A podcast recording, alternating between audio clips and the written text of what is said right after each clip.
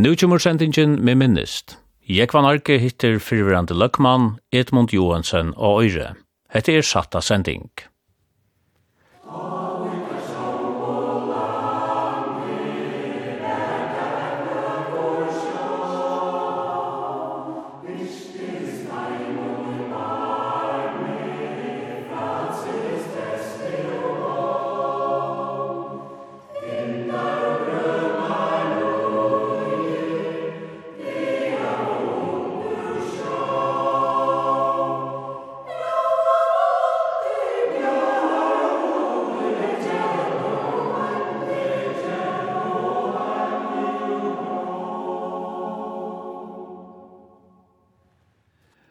Edmund, det var ikke bare folk som fikk nytte av tog kvelatvesten som kom til Einar. Jeg skylder til at Foglander hadde eisne sånne 90 av tog. Ja, så naturen brøttest eisne av kveldadriftene. Kveldadriften begynner jo i april måned, 1. april, og helt um, avlugga inntil uh, i halvun oktober som rek, inntil veteren kom etter. Så um, hon var akkurat i drift til tøyene som fugleren kommer til førje, altså likkan og fiskemasen og tar fuglene. Kveldstøyen var jo en, en slags verksmid eller fabrikk som smelta i spidje, luse og målbøynene av kvelden og ta kjøttet som etter hver. Det kom alt nytt, det ble gjørst om mjøl og så bøyer.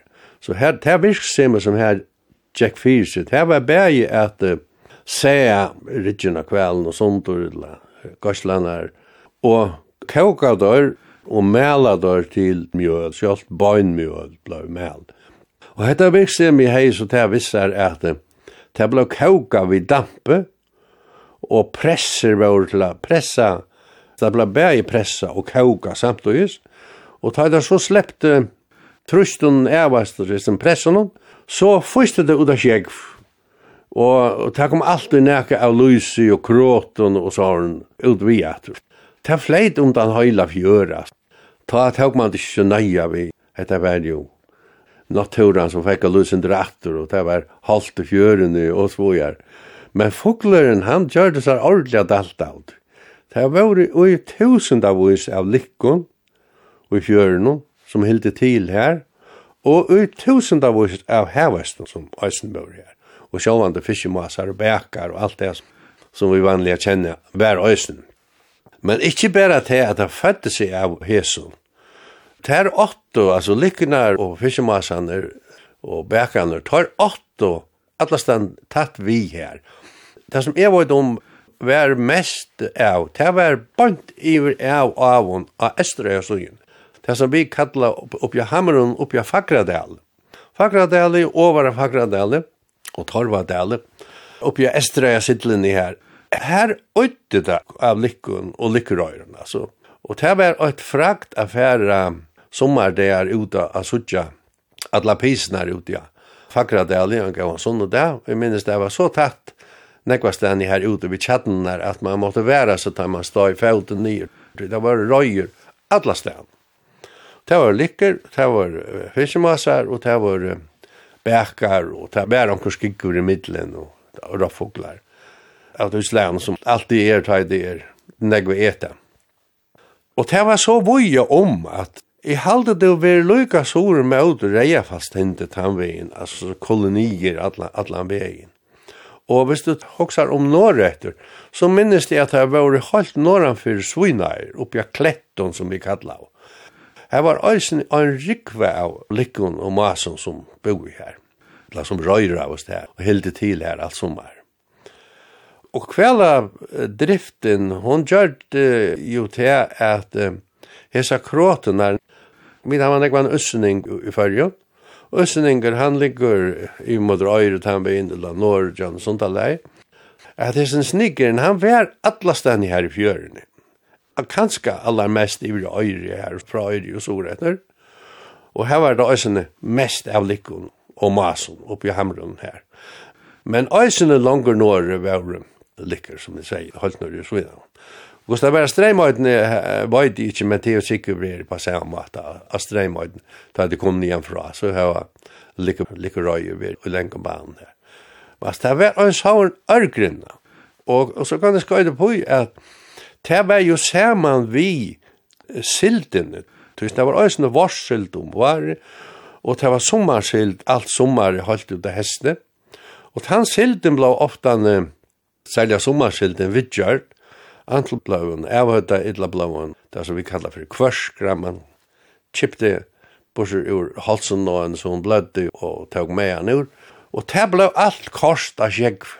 Og likkenar og masaner og bækaner taugur det så børst. Det er òsne blir føy tja fuglene, så fuglene har haft gaua der og i Sundaland. Og det kan man sige, det, det var den gaua sujan av det. Men det hendte òsne nekka anna, og det var det at det øyde av rottene alle stedene. Og særlig var det negv i øyne. Det er alt vedan beres snigur og lysi og det er jo krafta mykjel føje tja råttunum. Og det var det samme i fjørene her, fra Øyre og Soretter og fra Øyre og Norretter. Og sikkert det er vi vi alle bygden her. Så inn etter Louise, det fleit jo om han og det skvampa jo inn i middelen steinene i fjørene og nian under bakkan. Så rottene har haft massar av føje til seg og sina unkar. Og jeg minnes det at uh, i grauten her undan om kajen og øyre, her var, her var alt og nek løse, og her var alt og nek var rått. Og rådde på at han sildi her, og folk pladde at, at jeg løy seg råttene så kom jeg ut ur grauten her, og, og fyr inn at det, man tar seg ikke nek mot at det har til, liksom, at det var nek var rått. Men uh, det er alt brått nå. Det er nekra likra så gjemme men det är bara några fåar. Och jag fackrar det aldrig här som det inte vill lycka. Det här är ånga lycka långt. Här är några fåar. Några halv her Kanske några få i bäkar och ånga hendinga av vismas. Men det är allt väck. Och man kan säga hävasteren av fjøren, det här var en sammanhängande flockor, alltså det er halv fra øyra kai, Sora Kvällastøyna, etter tog lusen, som lär utadla togina hemifrån. Det är allt bäck, det är bara onker händingar. Det är som att lära sig för. Onker händingar, här var det av och tid. Så det fogla mange som her var, det er alt vekk. At han har kvällastugin og at han har sildene blivit vekk. Og er det bedre nu enn ta? Nei, det, det halde jeg nu ikke. Jeg halde jeg at jeg har nekva gåa så jo besvær. Da jeg husker om alle tær utfluktene vi gjør det ut etter hamrun og ut av fakra det alle suttja. Altså suttja fugla mangi, oppliva det. Og så sakni det ordelig. Og ta mest man ordelig, at jeg lykke der var konar, at vare var kommet, og, og ta var konar etter til okko. Og ta det for jo mest, så ikke mest. Alt det er bort. Nei, jeg er heldig vil jeg haft der. Og Sindra Luisi inn, inn det som det var nå alltid. Du har angst til gjørst angra fiskerøyntar norr. Påle Mår Paulsen og jeg, vi er nøklunda til alders. Vi pleide å fiska, eller vi pleide å fiska, vi fiska inn. Vi pleide å fiska Norja Sundon og Ærastein.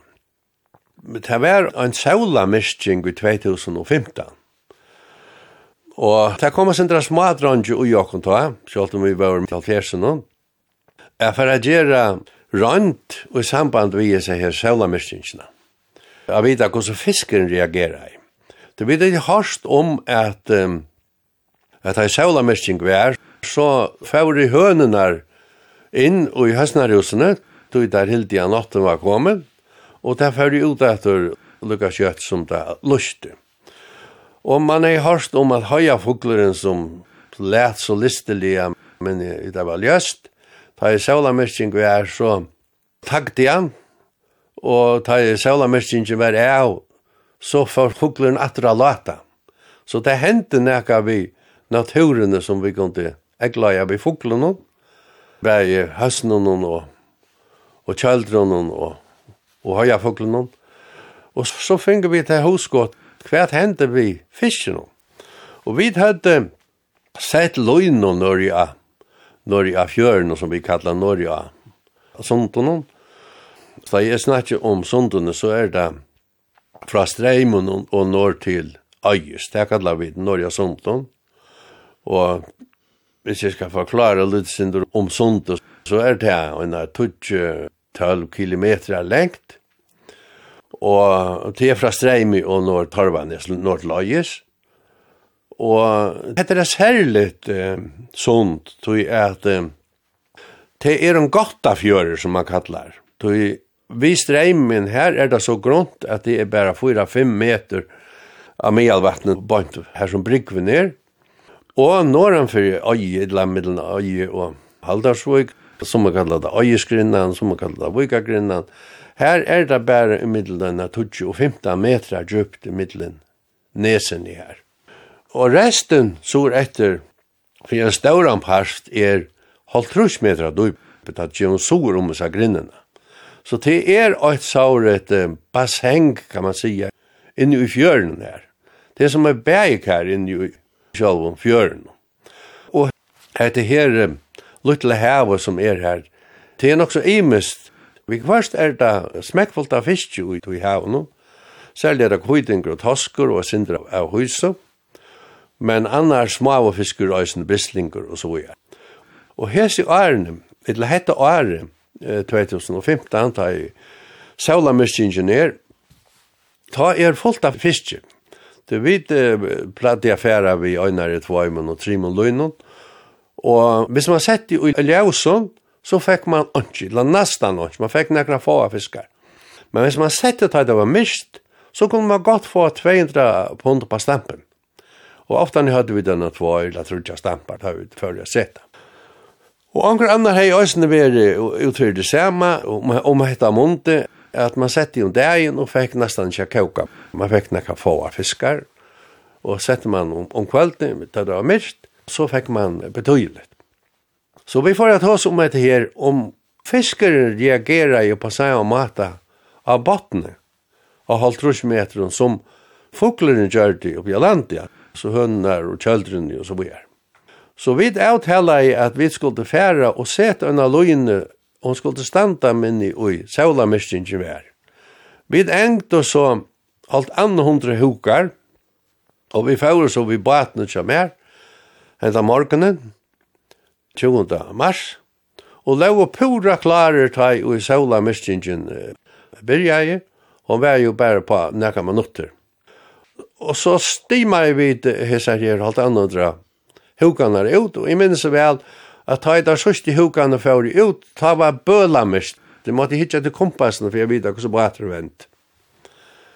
Så stau vi hessar her hukene, ilta var ljøst atter, så sylte vi til hin enda vi tøyde bæra steina kvar enda og øyna bøya, og drau i atter. Det var bæra og stått bil men vi silde til bøyene, og så drog han opp. Og vi finke, vi finke fyr halvtrus fiskar og hundra og halvtrus hukon. Ta sjalvande, ta var nøy akamner, så det var en, en sprelsk opptøk, kan man sija. Fiskarna var så sprellivande, og det var øyla stortlund og øyla spennande at dreia til all Fantastisk var. Vekkere var det aller beste. Og nye støvann så okkom vær etter det her setene, at uh, det var ikke bare hønene og kjøldrene som reagerer jo på saula mistingsene, men det gjør det sannelig av fiskeren nere i halvtrus meteren og i sånne land også. Tid av æsne finnes vi kåper og i øyre. Ja, så i samband vi fiskeærling, eller søyleærlingene som det var vært, Så hadde vi det, og en ødna regri av utnerinje, ta var en lydel kauper skålaver på landet her, en ringkauper. Og hetta var, hetta sa ut som at det var en unge kauper som var kommet nok så illa fire. Så vi tog igjen inn i huset her, nå er søylehuset vi kallet av, og gjør det en kær til som var fyra meter lengt, og det var sånn ælekøren og en meter brøyt og gjør det så en hittel kvann enda, og så etter så vattnet renn i jøkken, og gav henne søye etter. Jo, ja, han kom fyrir seg, og vi gav henne navn, vi gav henne navn Julius, og hessen her, eh, Kauperen Julius, han eh, kom vel fyrir seg, ble fighter og, og speker, og, og vel størst frakt, så. Særlig var det skolaflokkar, som fick förändra av att det var en, en livande kaupor så jag att det kom om han till Sylne och det kom in och hälsa på Julius. Och Julius navn fick han tog att han luktest där man huggde på han så hej han så deilig fitt skjegg som kauper nu hever Kauper lojdes det inte och människor og særlig er det høyke partiet av det. Og den gamle fitten føreske mannen vi tog i kjedjen og, og høkkjætjen som han hev. Og det er jo mynt omkran og omkran bestemta som er lukstyrt ned, Julius. Hvis det Julius, han blei sånn uh, turistattraksjon. Så det kan kom bare utlendingar inn og fotografere han og, og skolaflokkar i fargen til å halsen på enn den Julius. Og det som han fikk eta fra det var det var søyer. Det var massor av søyer i samband med ælingsene. Vi færa vi jo, vi vart tror jeg. Og søyerne i Sundaland stod alt og i, eller en rikva søyer i Sundaland stod alt og i, i utløpen her fra ærlebrusjen. Og hentet i målene opp som kom jo til jøkken her. Og, her var bare å takke maisene nere og i glopen nere og i så fikk man nokka av. Alivan sa til Julius. Og så nyana, Jeva Julius, det var øyla stottelt av færa, at han var, han var øyla glad, for han kunne godt ete enn fem tutsi sager, og så slapp man av klappen nøysen. Og han blei til legja lapparna på på kæri, og noe som halsa på en at man kom her. Og han blei som, nesten som folk etter hånden. Vi måtte hava han og en fem år halvt. Og han har sikkert vært i 8-2 år til han kom. Men han enda i sina dagar vi at um, han lei på purkæren. Og man sette det i samband vi at han var kommet i puberteten. Og vi hildi at det var en hannor. Og hannaner av ringkjøpet tar bliva tar bliva kinsbegående tar det igjen 5-6 år. Hon er sin fyr. Tror jeg til fem år siden. Og man ser at det er en hannor vi til at om varer blir han så mysker i trønnen. Altså, trønnen blir jeg kalla svarst eller mist. Og det ble ut av hesenkåpen, så det var en handkåp. Men han leip så ytla ur kæren og nyra gulv.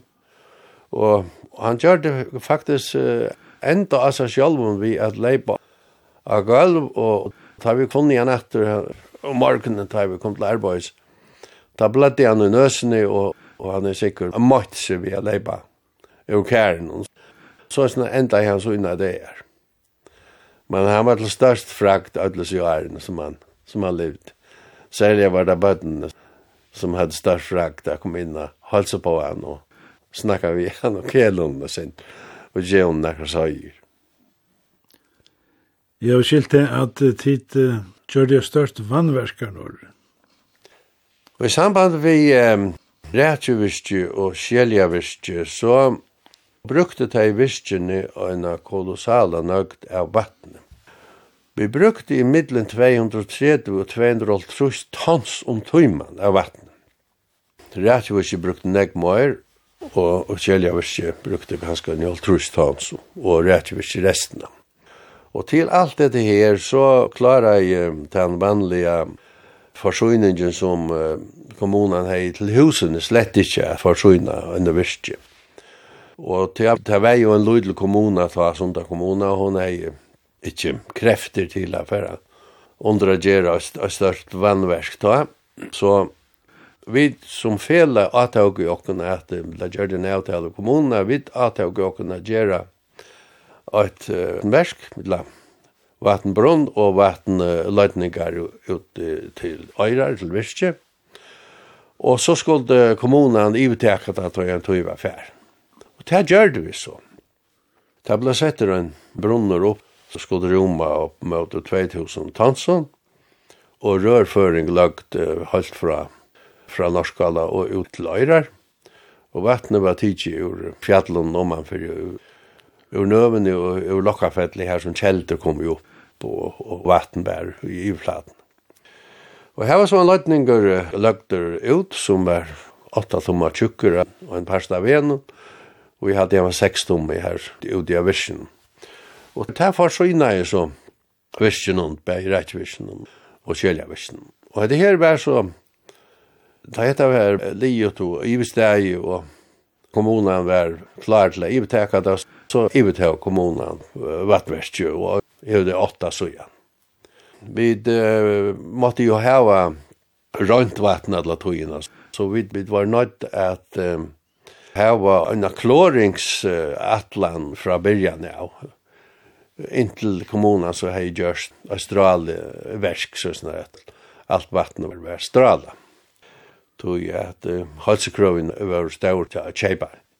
Jeg sier at jeg bare tog at Så det er eisen til tjavirstjona samstarva vel vi kommuner. Det gjør det bit. Det var eksemplariskt alt her i Norge, Sunda kommun. Du har ena för haft som AHA-mal av vissa film.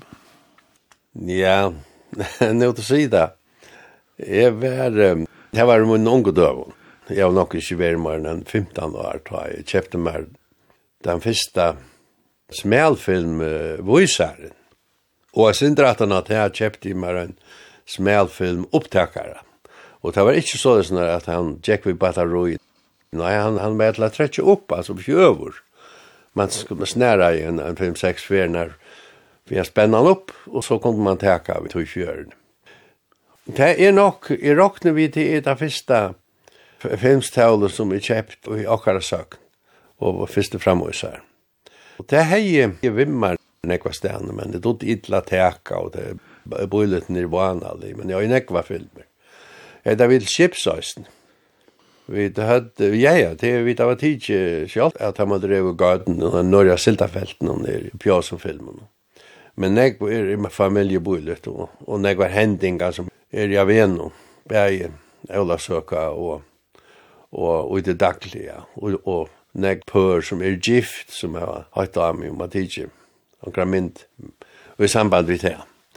Så det er en rikva av, han som tog meg for i holdt vi det, at sette det i systemet, som man kunde finne på seg urtøy av søvelige tilfær. Men dette var i ungkondøv. Ta i tøyene var ikke særlig um, av sovnen her som jeg boer, og folk finner jeg sindra smatje av filme vi langt ofta ned i her enn det smelfint man bare til badnaføyngar der og imest man kjepte jo filmer og, og vuste bara som underhalt fyrir bøtten. Og ta blei tås om at uh, det hei kanska veri stuttlet at uh, at just et sår filmsfela i, i saknene og vust større filmer. Og vi får så a sauna a sindra pengon inn fra felt og om hun kunne få kjept et professionelt filmsapparat som kunne vise større filmer. Og det var, det var gau undertaka for døy. Vi gjør så lydde filmfela som kjøpte et her apparatet, og så viste vi filmer i skolan. Og vi lante la loja av filmer fra Statens filmcentral og imsastene fra til Abuisa. Det var staurer AHO for tog. Og vi tog ikke billett eller noe som helst. Folk kom bare, og, og folk sleppte under kroner, eller en femkjør, eller to kroner, og anker. Og allt etter som, som falskene vilde. Og det brukte vi så til å betale løyene til filmen filmene vi. Det gikk fint til jeg er inntil Anna i betag. Og så da jeg Anna ble var så sjøvnar og Anna hei i betidje det är som folk var avhøy for så så forærte vi bare skolan og filmapparatet og det er sikkert her enn. Men nå tog jeg en færen fra det så. Men det var Det var til ståra glede, ta i tog. Som alle ærestene, så var det ganske omkring originaler og øyre i eisen. Ja, så det er jo det rett, og ja, så ta i tog inn var originaler hver er bygd. Og jeg hadde man kunne sagt at, at det var en originaler hver en hus. Så jeg ta finger folk lov at, at utvikla seg som de var. Og nu er folk møyre ans ratta i ja. at det fyrir ödlu i vaggustov og badnagar og i vadnaskola og i framhaldsskola og, og studentarskola og, og så vidare. Så nu er det møyre møyre streimlinja til til ödla sama. Ta utvikla i folk se för och så inne där. Att evnen som man var inne på hej. Så där var Da jeg husker mye om, så er det rett ut i at det var nekvar originaler. Og hver heis ut. Som er var fortelljere, som visste søver om alt mulig. Og, og det var andre som dømte vel at jeg skapa søver til eventyrer. Og, og det var også en folk som, som gikk ved tøyendun, som var kjent for å gikk ved tøyendun og fortelja imes som, som det de hørst, og kunne skapa spenningar. Og man skilda vel til at, det underhaltet skulle han jo gjøre sjálfur. Det var ikke en annar som hei underhaltet utan, utan det som man skapte sjálfur. Og folk gikk i middelen bygder. Og det var tøynda tjenestan som var. Det var gikk i middelen bygder. Det var jo ikke, ikke, ikke utvarp som det er det, eller sjønvarp som det er det, eller internet. Tøyinden, de kom vi følt Og hese her um, originalene som du nevner, det var ofte en båbærer middelen, middelen bygdenar. Ongen nevnter, ongen kjenter, men det er nekva tøy. Og det var um, rettelig godt underhalt ut tøy også. Og bygdenar vidja i øsne hver jeg er at jeg høgt tøy var. Det var imsa tradisjoner om at folk vidtjei hver annan ta jo i vår. Så det var en nekva sorn. Tu erst ikkje den einaste løgmaveren som er veri av øyre. Her har veri flere herre reisten. Ja, som vi kan sutja så er det nummer fyra som er slektar av øyre. Tvair har veri mitt i 1600-talen, fæger og sonur, Og Mitt i 1600-talen hever så den tredje ver, Hans Jakobsen Depes. Han har vært lærde jurister, og er så den fjore. Men sjåan det tar av å være meira etter de gamle kipan, tar av å være embatsmenn, eller meira kalla embatsmenn, og være dømar for løktingene. Så det er en helt arvisen rolle at jeg tar imot. Men uh, tvær av dem tar fyrre, tar er nok av svørsøyen som er, altså papasøyene, øyre, men den tredje er av maursøyen, øyre. Og så har jeg til stortleikar spalt meg ved tanken at um, nu bygger vi i Nårast av Øyrabakka, og jeg har kjøpt et ditt av gjør her som vi da var planta av som er 6000 fermeter størst og nokkur tusen tru av å sette nye ut. Men da vi så velte da, så var det kroarlø her, eller krajer hadde vært her fram og undan, og feste øyre har vært tølmersker, og det er li alt og i øynene feste, og det er jo et størt bøndehus, med der har haft huskadlar og så framvegis. Og tar vi over skåret her, her om løy, altså her og fra, og nyan av toene om man for norskala.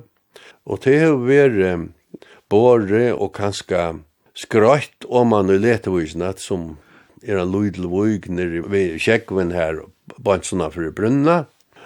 Og det her øyne kravarleie som er i stikkene som er, det er så masterlige sett på en hegg, for jeg vattnet renner fra og adlar atter, og ta ventur møter ringast og at til holdt i endan og soret som vender møter ussen ikke sore. Og så vender krekvent han vegin, og hon stender oppi ja, sin hegn og så vattner den vel av. Og tar vi så for vi maskin av velte til stikje, så sier vi der at der skulle ikke røre den her hedgen, då vi for å leie seg krønne oppatt. Så for å greva nir og vite om hans nokkur standsetting var i krønne, tog det var alltid gammalt at kregvun var standsett i botten og fyrir vattnet skulle renna fra, og vi sa jo ikke til det, tog det var alt kregve til, det var så lengt siden man brukt. Men det visste seg at det var så lengt nir av standsettingen, det var en 20 cm nir av henne, og man pleier å si at hver centimeter betyr at hun ikke vil brukt i 20 år. Så etter tog jeg dømmer, så er jeg ikke brukt igjen 200 år. Så før jeg spiller meg ved tankene, så sier jeg, nå ja, hvis hun uh, ikke har brukt i 200 år, og hun kan skal brukt i 200 år etter det, så har var sannsynligvis alle løgmennene og øyre sidevis av grønne i togene. Så det var åtte skumpa tre til å gjøre seg grønne oppatt. En kregg var alltid, så sier han, og ljøte tog tog at støynene vende øvått, hun sløtt, av innarsøyene, men hon er avsløtt av åttarsøyene. Og det er for tanskilt at er regne som kommer av torvet, det er ofte en møn møngjørt av, og flæ av, at her skal renne ny vi støynen. Men åttanfyrir så, så er det lukket mye, det regner bare på seg av. Og nu har vi så kallet hessa krønna fyrir løgmannskrekven.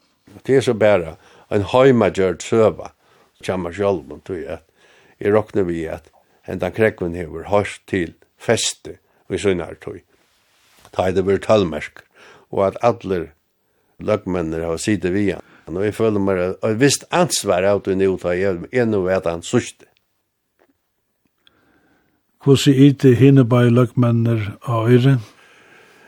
Den fyrre er at jeg var Paulsson, og han var løgmennene i 15 år har vi lyst meg frem til. Og så var det sonen hans her som kallades Jakob Jekvansson, som uh, var løgmaver i tvei år. Og søvann er at han uh, bär en tur, eller han røst til Danmarkar og røst i Høymater og Norra, og ble borstor. Men vi fører tjan og kom atter, og middelen anna var uh, altartalvan som nu stender i kyrkjen i Skalavøk, ett av vid förn som kom hem efter att han har han. Och han bor i Skalavik. Ja, så det snäv vi skilt han bor i Skalavik. Till där finns en brygg då vi strömmen för nu några någon år så gärna. Vad tutning har han haft för bygda löjen här. Ja, Brickman og Streimen kom i 1903 og så hun har haft av avmetelig større tøytning for økje her Norge. Vi uh, sudja fruktene av det fyrverda, hvor bygd og søgn og lea som i at pauta sær og ta var. ikke så nek folk inni i Sundalen og ta bygden her, men nu er ein staur kommuna alt fra Høsvøk til Kjernvøkar og fra Øyri og til Joar i Øynar kommuna til bare Øyers kommuna som med for seg sjølvan Og det er en rukande utviklingur. Og Brygven hever alt a sia, tog jeg at um, jeg så følelsen hever så slige seg saman om skola og framhalsskola og staurhandlar og um, laknamistø og badna passing og så framvegis. Så det er, man kan säga börja at vi er oss har dannelt vi brunna, eller vi streimen, her som folk, ungfolk streyma til og vilja seta seg nyer. Og bygden er særlig her i sentrum som veksa. Jeg halde, jeg kan sige, Høsvøk og Kvalvåg og Strennes og Sunda kommuna. Men hinnar bygdene som ligger langst borster, der har det nok ikke så godt, men det er nok, det er nok andre utviklinger som er årsøkjen til det her öll vilja være her som alt er framan undan. Så Brygvan har haft en enorma tydning. Hon ger at alt det her er møvligt. Og det begynner øyne at um, det viser seg vi havnaløyene.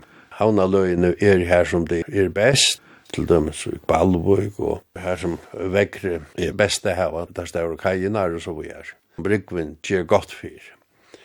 Jeg har hva nevna til med som upplösning til de som ikke vidar det at om brunna, fra brunna og soretter er ongen strømfjøra. Fra, man kan sija fra du grinsta her, her som det er bare 4-5 meter, og til havnar og inna skalafjøren, her er ungen stremfjøren, her er alt det samme vannstand, og det er bare barometre som flytet av lutsynder opp og nyer. Men norranför brunna, det varierar middelen halvan annan og tvar meter. Tvärför om døgnet. Og man kan si at det är norrhavet som tar eh, avgjer om det er fjöre eller flau i Sundaland. Og det virkar helt så til brunna. Og det skapar annat. Vi har tås om fyrretøyene den stora flötan norra för kyrkan i Norskala som är det möstövan. Hon var ju mätt med drönare mörsk och gör tog jag att här finge folk och sundalänen kräkling och skäljafisk och ödla mövlig slä och som var brukt ut till ag och så framvid fyra tog Og streimfjøran gjør øysene til her er jo grunnvatn at høya hevda øyla godt om sommar när han skal leva ungar och så vidare. Tog at fjöran er så stor og han fær så något eta ut i strävfjören. Av kjelja för fiske og marsfloen og, og tog som lever i, i haven. Men vi tar at det er en gott av fjører, som vi tar seg om, at det er bare 12-15 metrar dype norranför øye, ute i fläckvann. Så knöjpet där vi utskiftningen til at uh, havet Bassengen jo i her er halvtrus meter djupt, angstendig, enn og djupar. Så det er ikke så stor utskifting av bottene i, i tøyfjøren og som. Det er æresten som det ikke er godt av fjør. Så vi må passa vel på at han fjøren, da vi tar som ærling og så framme. Og et annet som spiller inn øsene, det er at Sev har gjort et størst vattenversk i samband med øysversk. Og Sev hever tidsi og i hattene luka fra selatrea og norr i øyesvatn. Og det vil si at alt vatne som fyrr hever runni i sundalæge, sunnanfyrre, brunna, så øyri og så holdt til selatrea, det renner nu i sundalæge her norret, som vi tås om er som gotta fjøren er. Og det har vært et forsøkverst til granskaren at, at vet hva en tøytning det hever. Det, er store nøkter av vattnet som nu renner ut i, og jeg heter her bassenge som er en gottafjør. Musik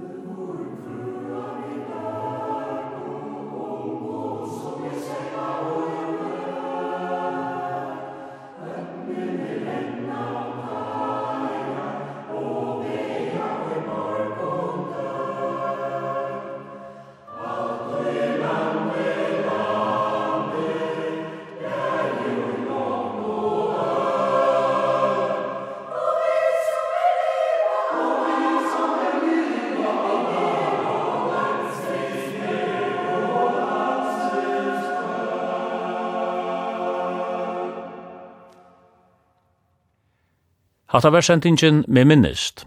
Jeg var narki hitte Edmund Johansen og Øyre. Satta sending.